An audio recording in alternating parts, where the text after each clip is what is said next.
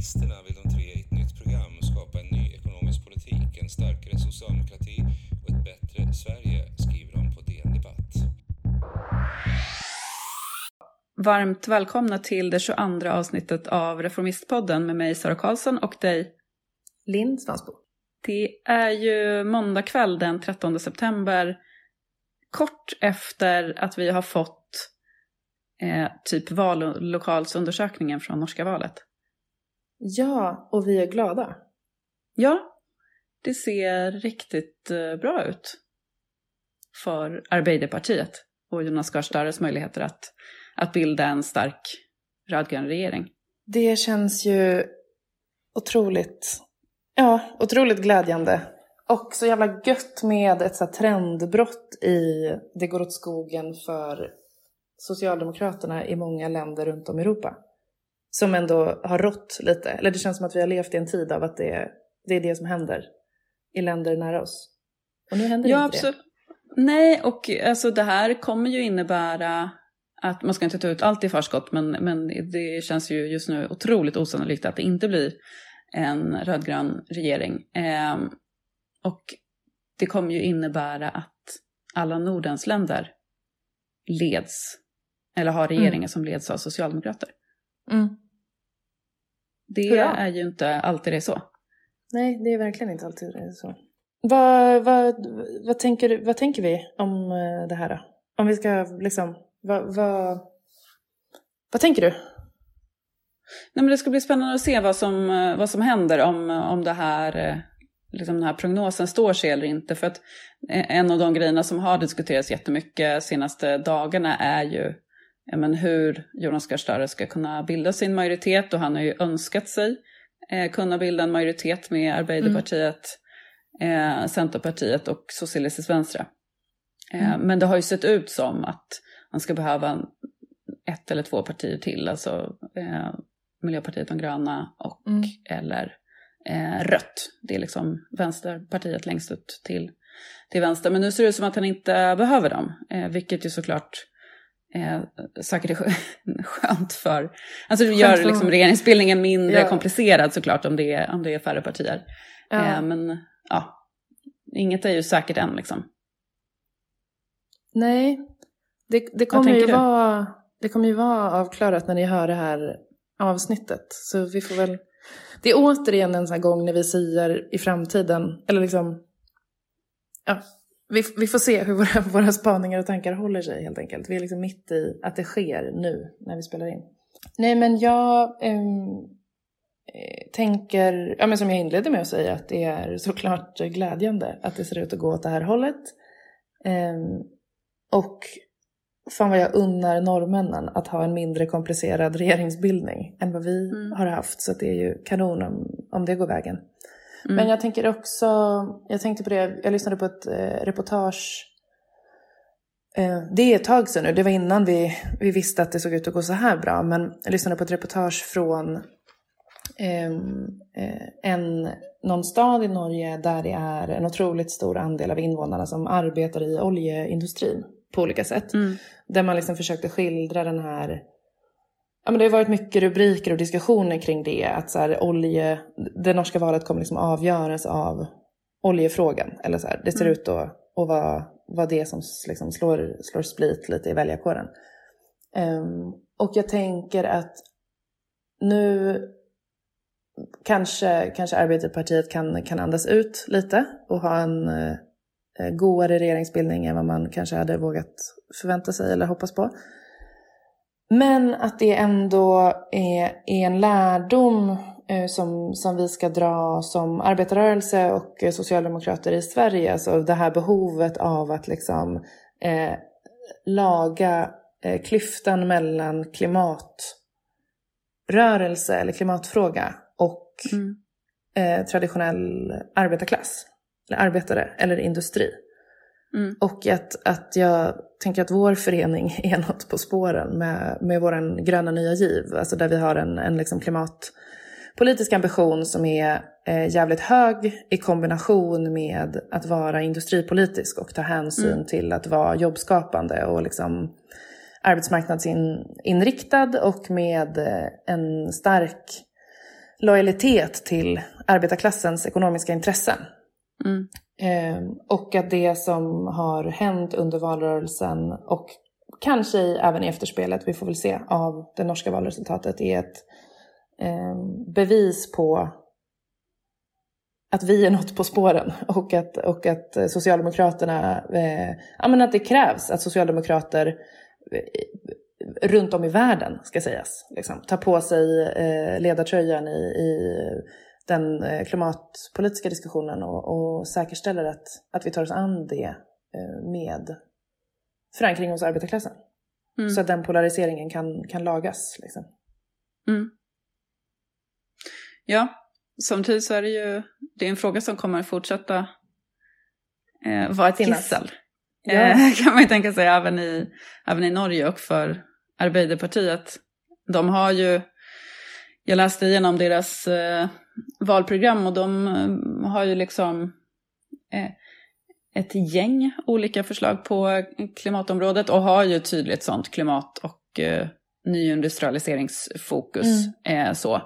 Men, men duckar ju ändå då frågan om ett, ett stopp för oljeutvinning och eh, att, att leta nya fyndigheter som ju eh, det har varit väldigt mycket liksom, Mm.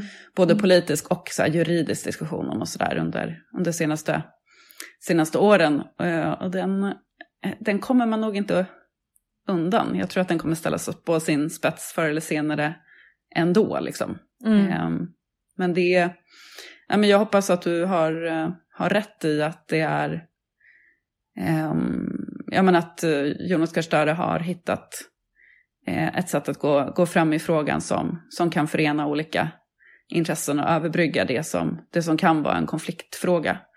Eh, och att vi, vår förening kan eh, också vara en inspiration för, för vårt parti i Sverige som ju egentligen har samma behov, även om vi inte har oljefrågan på Nej, det sättet som den stora Nej, tunga frågan. Liksom.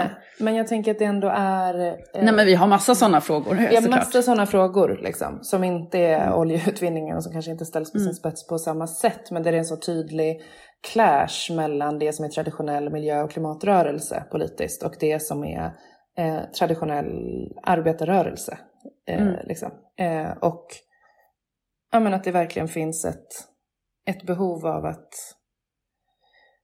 ena de kamperna och driva Mm. en, en klimatpolitik som, som bottnar i arbetarklassens ekonomiska intressen eller som ger arbetarklassen en, en tro på att eh, klimatomställningen är möjlig och kommer ske med allas bästa för ögonen. Mm. Helt enkelt. Jag tänker på en annan grej gällande, alltså just eh, det här att, att alla nordiska länder kommer ledas av eh, socialdemokrater. Eh, och det är ju frågan om inspiration för svensk socialdemokrati. Eh, för att det finns ju ganska många partikamrater som har ja, men, talat under flera år och skrivit artiklar och sådär om att vi borde låta oss inspireras av dansk socialdemokrati. Ja. Men det ska bli intressant att se hur man nu kommer prata om den norska socialdemokratin. För att de har ju i den här valrörelsen, eh, ja men de har gått till val på ett så här ganska eh, offensivt, ovanligt konkret, eh, om man jämför med i alla fall så som våra valprogram brukar se ut. Eh, program med liksom eh, ja, men näringspolitik, klimat, eh, jobb, välfärd. Eh, ja, men som en, en klassisk socialdemokratisk eh, politik. Eh, och med, ja, men med fokus på så här, sakpolitiska reformer. Mm. Eh, och alltså, dels så har de ju inte liksom fastnat i den här Blue Labour eller tandgyttjan.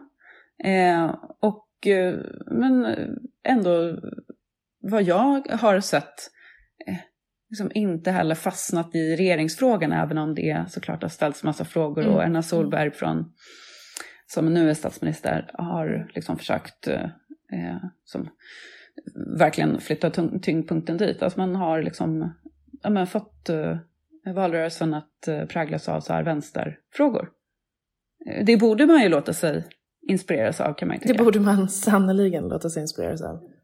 Eh, det som folk har velat eh, att vi ska ta efter är ju ja, men just då den, den danska socialdemokratin som ju visserligen har gjort en del förflyttningar i den ekonomiska politiken och välfärdspolitiken Mm, i, mm. liksom vänsterut.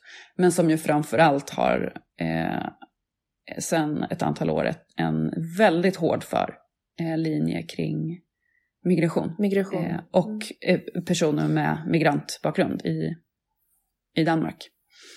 Ja, precis, för det är ju inte folk bara... som ganska flitigt vill, eller fl- flitigt förespråkar ja, att... ja. Och det är ju inte bara det. själva migrationspolitiken, utan det är, det är ju även liksom, ja, men det här med getto, paket, eller, alltså liksom hela... ja, Ja, som sagt, det är ju inte bara den själva frågor kring migration eller asyl eller invandring. Nej, utan också en- vad, en, vilka eh, förutsättningar människor har i Danmark eh, Mm. idag, baserat på var de kommer ifrån. Ja, men precis. Det är en ganska repressiv eh, kultur och eh, socialpolitik. Ja, Riktad framförallt mot eh, personer med utrikesbakgrund. Mm. Ehm, och det... Inte en stark inspirationskälla, tycker jag. Borde inte vara. Nej, men det tycker man ol- olika om uppenbarligen. Mm. Och, eh, men jag tror ju på något sätt att eh, det kommer ju ändå falla tillbaka på vad man tyckte från början. Vill man ha en hård för migrationspolitik så kommer man ju peka på Danmark. Hitta Vill man inte ha det så kommer man idoler. peka på. Mm. på, på Norge och kanske Finland. Mm. Så det är väl på något sätt det det kokar ner i. Ändå. Mm. Ja, vi Men- får se. Vi får se. Och eh, i eh, kväll gläds vi åt eh, Norge och Arbeiderpartiet. Verkligen. Men du, förutom val i Norge som ju pågår eh, as we Mm. speak. Vi har släppt eh, en reformbudget idag. Det har vi gjort. Med besked. Med besked. Mm. Ehm, och det måste vi ju prata lite om. Ja. Men berätta Eh. vad, vad du som sitter i styrelsen och all den klokskap som finns där. Vad är liksom bakgrunden till att man väljer att släppa en egen budget? Eh, ja, men eh, bakgrunden är ju för att staka ut eh, en konkret väg framåt för en bättre, bättre politik för Socialdemokraterna. Och Mm. i förlängningen Sverige, hoppas ju vi. Eh, och, och det gör vi ju i den här budgeten. Vi har släppt, det är tredje gången Reformisterna släpper en reformbudget. Ehm, Och det är ju som, ja, men som en slags eh, skuggbudget liksom, i förhållande till, till den budget som eh, inte än är pro- eh, presenterad i detalj, men, Mm, men man kan jämföra, sen, jämföra den med, med dagens eh, budget såklart. Mm. Och som, som presenterar eh, ett, en, en hel hög med, med bra reformer för ett mer jämlikt Sverige. Och eh, ja, men som sagt, motivet bakom är ju att visa att det går att Mm. göra på ett annat sätt, ett bättre sätt. Mm. Tycker vi. För, för ett bättre Sverige för fler. Just det, en, en liksom budget som man hade kunnat lägga om man hade fått bestämma själv. Exakt. Alltså utan Och det- olika... Ex, utan Avtal med andra olika partier eh, diverse avtal. Mm. Ehm, nej men och det är väl det som är det fetaste tycker jag med reformbudgeten och initiativet kring det och motivet bakom det, att det går liksom. Mm. Ehm, det är, ehm, ni måste såklart gå, gå in och läsa den, ho- hoppas vi att ni gör, ni som lyssnar. Och Ja. läsa om den. Gör det. Ehm, den finns såklart på Reformisternas hemsida. Men, men liksom det som som sagt är det mäktigaste tycker jag med budgetsläppet, det är ju att vi presenterar skitmycket bra politik och inte bara, bara tomma löften, liksom, utan Mm. också med finansiering av alla Mm. de eh, tunga reformerna som, som budgeten innehåller. Men förutom att eh, man kan gå in och bör gå in på vår hemsida reformisterna.se och läsa budgeten eller utdrag och titta på tabeller och sådär, så ska ni ju få lite serverat här nu. För du ringde upp och pratade med en av de som En- har suttit och grävt i det här. Ja, verkligen. En av våra superhjärnor i den här föreningen fick vi på tråden. Så nu ska ni få höra en, eh, ja men godbitarna, de godaste godbitarna ur Mm. Reformisternas reformbudget 2021, presenterade av eh, Kalle Dramstad. Okej, välkommen till Reformistpodden, Kalle Drömstad. Tack så mycket. Hur mår du? Jag mår bra. Lite trött, lite sent när vi spelar in. Det är ju det, för ni, när, vi, när du och jag snackar med varandra nu är det måndag kväll och vi har haft budgetsläppdag. Det har Jo, vi. Det Vilken har vi. budgetsläppdag. Och det ska du och jag snacka lite om, Kalle. Det ska vi. Berätta om, eh, berätta om årets eh, reformbudget. Det är föreningens tredje reformbudget. Eh, och jag tänker att vi börjar bara i änden. Så vad, vad står det i den här budgeten? Liksom? Breda penseldrag. Vad innehåller den som är fett? Nej, men budgeten är ett, ett försök att konkretisera den, den, den socialdemokratiska politik som, som föreningen Reformisterna men väldigt många eh, S-föreningar runt om i landet, väljare och, och aktiva vill se. I ett försök att se hur, hur går de här siffrorna ihop? Är det möjligt att förena alla de önskemål på reformer som finns med ja, någon form av ekonomisk verklighet som vi ändå lever i? Och Mm. försöka pussla ihop det här på ett sätt som, som fungerar. Ehm, och det intressanta, eller det som är så spännande med budgeten är ju just att det går att pussla ihop det till någonting. Någonting Mm. som håller ihop, någonting som ekonomiskt fungerar. Och kanske inte bara fungerar utan dessutom vore, vore väldigt bra.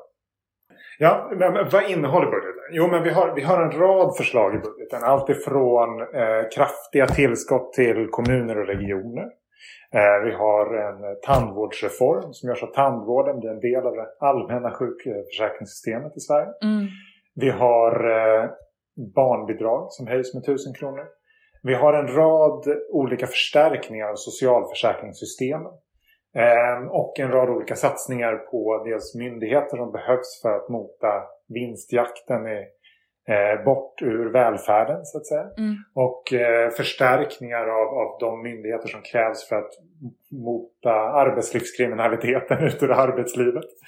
Ehm, och eh, andra typer av satsningar på allt från bostadsbyggande till grön omställning genom, genom grön industri och en stor investeringsbank. Så att en, en, en, bred, ett brett penseldrag med reformer för att eh, göra Sverige bättre. Det tycker jag, eh, föga förvånande, låter, låter svinfett. Eh, eh, eftersom jag är en del av den här föreningen som föreslår de här reformerna. Men eh, det är ju, eh, alltså all den här otroliga politiken som du nämner, alltså höjda, jag menar, höjda barnbidrag som du nämner, tandvårdsreformen, den har man ändå längtat efter. Det är vi nog många, många som har gjort. Den har vi pratat om i socialdemokratin i alltså, årtionden känns det Ja, som. ja. Och nu är den finansierad eh, i, i vår budget. Och det är pension, liksom höjda pensioner och det är ja, men många viktiga reformer som du nämner som, eh, ja, men som ju såklart kostar pengar. Så den eh, naturliga följdfrågan är väl förstås eh, hur, eh, var ska de pengarna komma ifrån? Ja, det, är- det är ju den frågan som man, på något sätt, eh, som man på något sätt alltid hamnar i. För vi är ju begränsade i vår reformvilja i viljan till finansiering så att säga. Och den Mm. metod vi använder för att finansiera. Vi har två stycken huvudsakliga finansieringskanaler som vi använder i reformbudgeten. Det ena är ju att vi inför ett nytt finanspolitiskt ramverk. Vi ställer om så att vi kan låna pengar till investeringar. Och det frigör ju en rad, en, en väldigt stor summa pengar som vi kan använda till reformer. Både till fler investeringar men också till nödvändiga reformer inom, inom välfärden. Och den andra delen det är att vi ökar skatteuttaget i ekonomin. Så att öka Mm. skattekvoten. Ehm, och det i sin tur gör ju också att man får in, in en massa pengar som man kan använda till reformer. Om man ska vara lite teknisk och gå in på siffror så har vi Mm. så har vi idag ungefär 140, eller 2022 så har vi prognostiserat att vi ska ha 140 miljarder i överskott. Alltså vi betalar tillbaka 140 miljarder på statsskulden.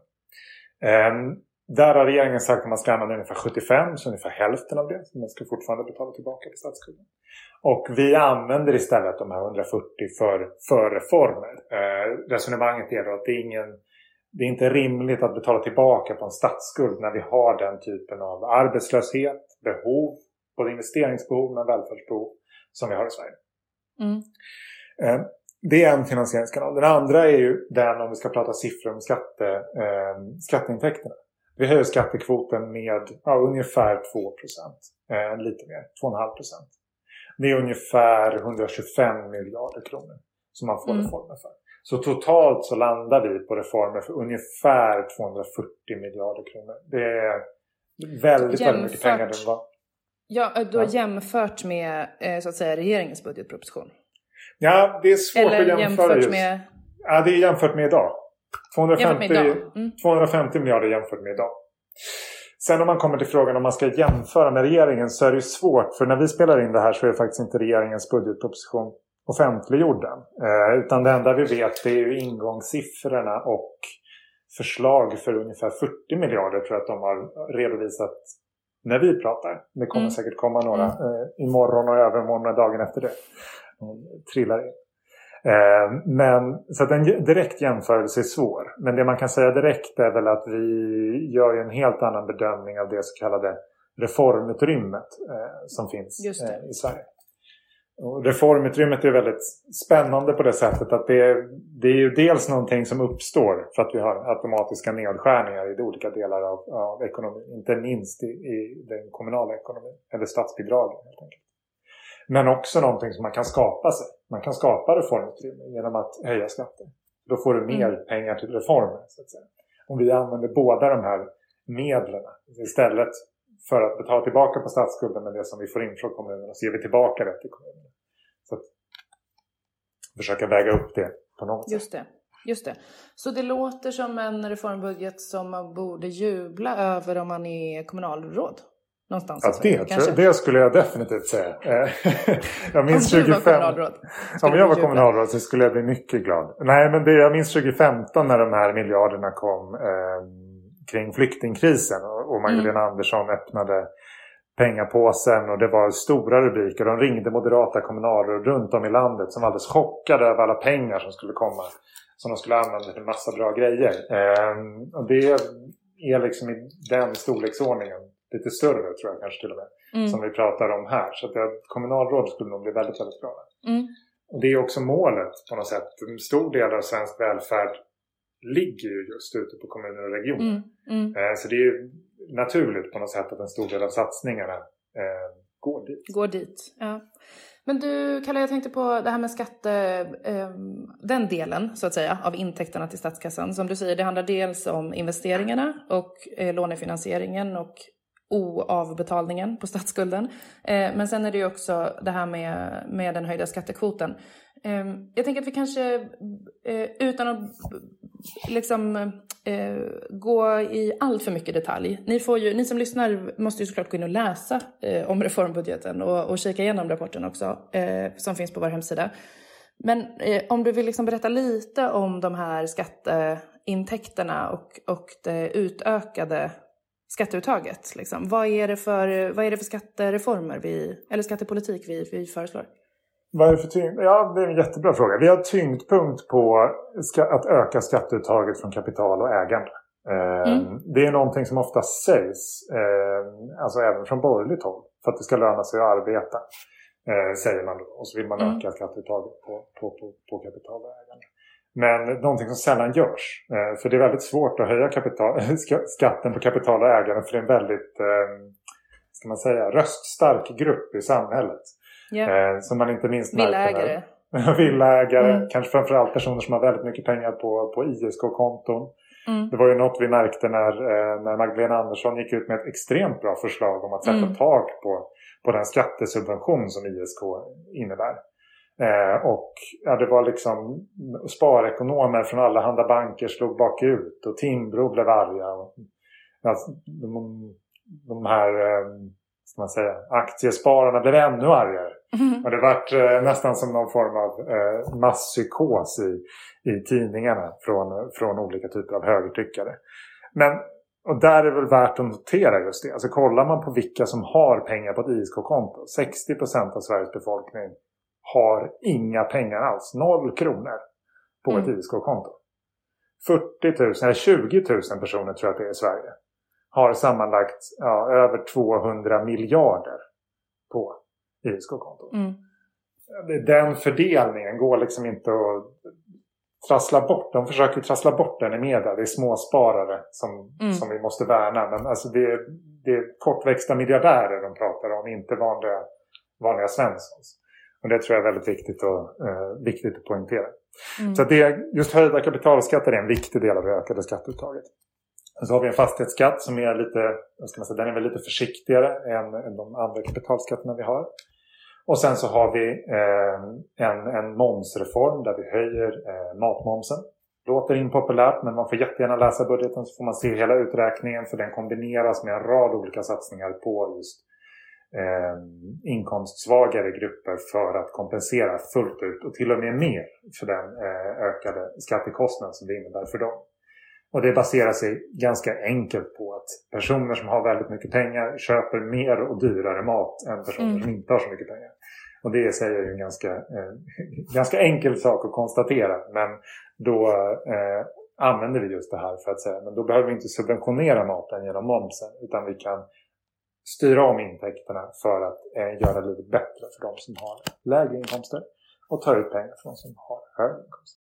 Ja, men du, innan vi, vi avrundar, vad skulle du säga är liksom den stora vad är den stora kioskvältaren i Reformisternas reformbudget 2021? Eller vad är liksom...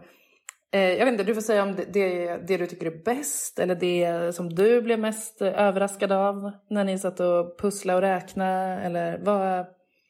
Ja, vad, är vad är den stora kioskvältaren? Ja, men alltså, det som har slagit mig med budgeten och det som jag tänker är det unika med den här typen av dokument som vi har tagit fram det är att den mm. är så allomfattande. Mm för att prata om vad som, vad som gjorde mig lite överraskad i arbetet med budgeten. Eh, så är det ju framförallt de, de, ska man säga, de, de siffror som saker kostar eh, är kopplat till, till hur mycket man pratar om dem. Det finns saker som är väldigt billiga men som pratas om väldigt mycket. Och så finns det saker som är väldigt dyra men som får väldigt lite uppmärksamhet. Eh, till exempel? Tandvården pratas om som någonting jättestort. Det kostar ungefär 10 miljarder. Det är ganska, jag har varit förvånad över att det var ganska lite. 10, tror att det är 14, mellan 10 och 15 miljarder. Mm. Men att ge pengar till kommunerna eller höja barnbidragen. Då är vi uppe med 1000 kronor. Då är vi uppe i typ 30 miljarder. För att det ska börja märkas någon skillnad. Så mm. det, de storleksordningarna var någonting och det som, ja, men som förvånade mig lite när vi, när vi började jobba med det. Um, som en sån grej. En annan mm. sak som förvånade mig, eller inte som förvånade mig, men som jag tyckte var anmärkningsvärt, det är att det går inte riktigt att höja skatter och ta in pengar utan att någon betalar för det. Det var väl något man insåg när man började räkna på det. Att höjer man skatterna väldigt lite så får man in väldigt lite pengar. Mm. Eh, mm. och höjer man skatten för väldigt, väldigt få personer så får man in väldigt lite pengar. Eh, och det är väl ett ställningstagande också som görs i budgeten. Att ett, ett medvetet och ärligt ska jag säga, ställningstagande som görs. Att det går inte att ha en välfärd i världsklass om vi inte är redo att betala för den. Och vi ska ha ett progressivt uttag där den som har mest betalar mest. Men det kräver mm. att alla är med. Kan, kan, man kan inte finansiera den typ av välfärd som vi vill ha, vi förtjänar utan att alla är med och Ett litet, litet, litet antal rika i toppen kan inte finansiera allt. Och det, det är väl på något sätt en, en, en realistisk insikt kanske, för det är så vi på något sätt byggt upp välfärden. Men mm. det kan vara lite bittert ibland också för det är alltid roligare när, när allting bara är någon annan. Eh, utan det, är också, mm. det handlar också om oss själva. Och den, jag är övertygad om att den politiska viljan finns och går att förklara. Men det kräver också ja. den, den insikten på något sätt. Att, att vi måste vara med i allesammans. Mm. En grej som jag tänker på med den här budgeten Eh, om jag får säga mina two cents, kul att du frågar Kalle. Nej men eh, en grej som är så slående med att vi eh, har den här typen av projekt i den här föreningen och inte minst såklart med, med årets budget men även de tidigare är ju att det går. Liksom. Alltså att det inte är eh, ja, men de här reformerna som är så att säga det vi vill skriva på valaffischerna. Liksom. Gratis tandvård, eh, höjda pensioner, höjda barnbidrag. Eh, men jag tycker att det är så jävla fett att det liksom är eh, det är uträknat och klart. Som det stod på Expressen-debatten idag. Eh, uträknat och klart, fullt finansierat, eh, genomförbart om man har lust. Ja, det är väl det som är det stora. Att visa på att, att, att det går. Och öppna mm. upp en, en, en seriös debatt om, om prioriteringar. Inte minst kring just statsskulden skulle jag vilja säga. Att vad, vad är det vi prioriterar? Eh, det var en, någon, en ledare i Dagens Industri tror jag som, som konstaterade mm. det att om vi hade behållit statsskulden på ja, samma skuldkvot i procent som för, ja, vad kan det ha varit, tio år sedan eller någonting. Så hade vi kunnat bygga de här höghastighetsbanorna som vi fortfarande bråkar om. Mm. Eh, och det, sådana där svindlande prioriteringstankar tycker jag ändå är väldigt viktiga att vi börjar ställa oss. Ja. Och vad, vad betyder det för hur vi, hur vi designar det finanspolitiska ramverket? Vad betyder det för, för, ehm, för hur vi hanterar skuldkvoten när vi går framåt ut ur coronapandemin? Ehm, och det finns ju väldigt mycket inspiration att hämta där från, från många andra länder. Ehm, se hur det gått i pandemin, hur lånesituationen sett ut, vad de gör nu efter för att få igång ekonomin. Eh, hörni som eh, lyssnar in på Reformisternas hemsida och läs reformbudgeten 2021.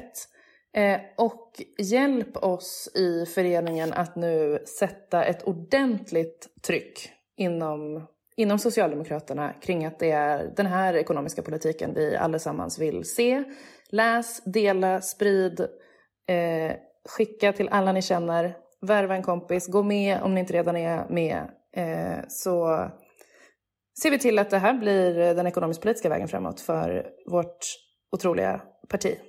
Tack eh, Kalle för att du ville gästa podden. Tack så jättemycket.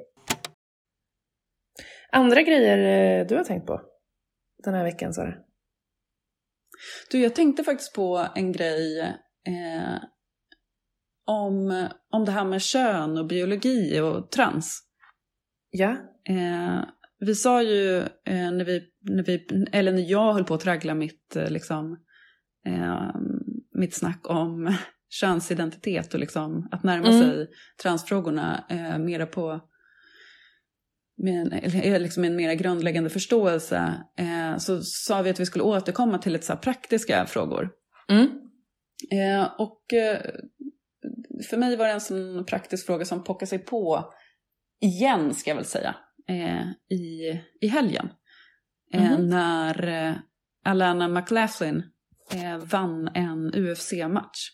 Jag ber om ursäkt yeah. om jag uttalar namnet fel, men något i den stilen. Ehm, och det är ju då en transkvinna. Ja. Ehm, och det verkar liksom bli med jämna mellanrum eh, mycket eh, utbrott från folk som blir sura och arga och sådär. Eh, när eh, transkvinnor deltar i olika idrottssammanhang. Mm. Det var ju samma sak nu på, i OS i tyngdlyftning. När eh, Laurel Hubbard, den första transkvinnan som tävlade i tyngdlyftning i OS. Mm. Eh, så var det liksom samma diskussion om att, så här, att det här ja, är orättvist. Ja, det känns eh, återkommande. Ja. Ja, och jag tänker, det var också en, en så ganska viktig passage i Sara Martinssons bok eh, Knäböj. Har du läst den? Nej, men du har tipsat mig om den. Så jag ja, måste verkligen, verkligen eh, göra det. Ja. Apropå personer man skulle vilja bjuda in och prata med. Ja, det är så en till drömgäst. också. Ja. Ehm, men, men hon skriver ju mycket om, liksom, om kvinnokroppen och sådär. Så hon skriver också om, om transkvinnor. Eh, och eh, transkvinnor inom idrottarna framförallt. Mm. Eh, kraftsporterna liksom. Eh, ja men det blir, olika, alltså så här, det blir diskussioner kring biologi. Mm. Eh, återkommande eh, utifrån att transkvinnor deltar i, i idrottssammanhang. Ja men då eh, som så här bottnar i en, en känsla av eh, orättvisa och att så här, eh, kvinnor som har fötts biologiskt som kvinnor eh, inte längre kan vinna eh, om transkvinnor kommer in och tar över. Det är väl så man yeah. kan beskriva liksom yeah, den. Mm. utgångspunkten i, i debatten. Och eh, ja, men, som driver tesen att biologi spelar roll. Och det gör ju det. Mm. Alltså biologi spelar ju roll i, i sport. Det är ju ganska enkelt att konstatera. Mm. Eh, men man, frågan man kan ställa sig är ju, är, är det verkligen kön som är den viktigaste biologiska faktorn? Mm. Eller är det liksom eh, vissa komponenter som ofta är knutet till eh, biologiskt kön? Men som hade spelat roll alldeles oavsett? Precis. Mm. Eh, man måste ju komma ihåg att så här, även om man utgår ifrån de så här, två tydliga då, eh, kategorierna eh, man och kvinna eh, biologiskt så finns det ganska stora variationer inom grupperna. Mm. Som ju spelar roll och då skapar orättvisa, Olika om man så orättvisa. då vill, Ja, eh, i, Mm. i sportsammanhang. Alltså jag menar, på det sättet så är ju idrottsvärlden eh, jätteorättvis. för det handlar om så här grundläggande biologiska alla, förutsättningar. Ja, basketspelarna För har lättare om de är Och- långa. Ja. Precis. Och så vidare. Eh, så Mm. liksom, eh, man kanske överdriver kön som komponent. Och Jag har lekt med tanken, nu får ju någon som kan idrott eh, bättre kanske eh, ragea mot mig och eh, höra av sig och säga emot. Men om man är överens om att biologi spelar roll så kanske kön är en dålig kategori. Indelning.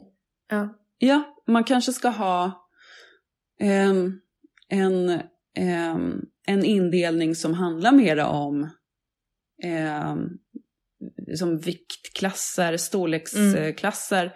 I vissa fall kanske testosteronnivåer, som ju är sånt Mm. som man brukar peka på då. Eh, inte vet jag, det, det kanske man behöver göra olika för eh, olika typer av idrotter och sådär. Och det här rör ju framför allt idrotter som är individuella prestationer. Om man tycker Ja. att kön är så otroligt viktigt så kan man ju ha kvar det för fotboll till exempel. Ja. Men kanske inom andra typer av eh, sporter ha en, en mera en mer differentierad indelning eh, och framförallt något som liksom inte då siktar in sig på könskategorier utan som tar fasta på det som är just de biologiska komponenterna då som, som man tycker spelar roll för den aktuella sporten. Vad tror du om det Elin? Jag tycker det låter som en kanonidé. Det är kanske lite komplicerat men vad fan. Nej, jag tycker det är bifall. Ja.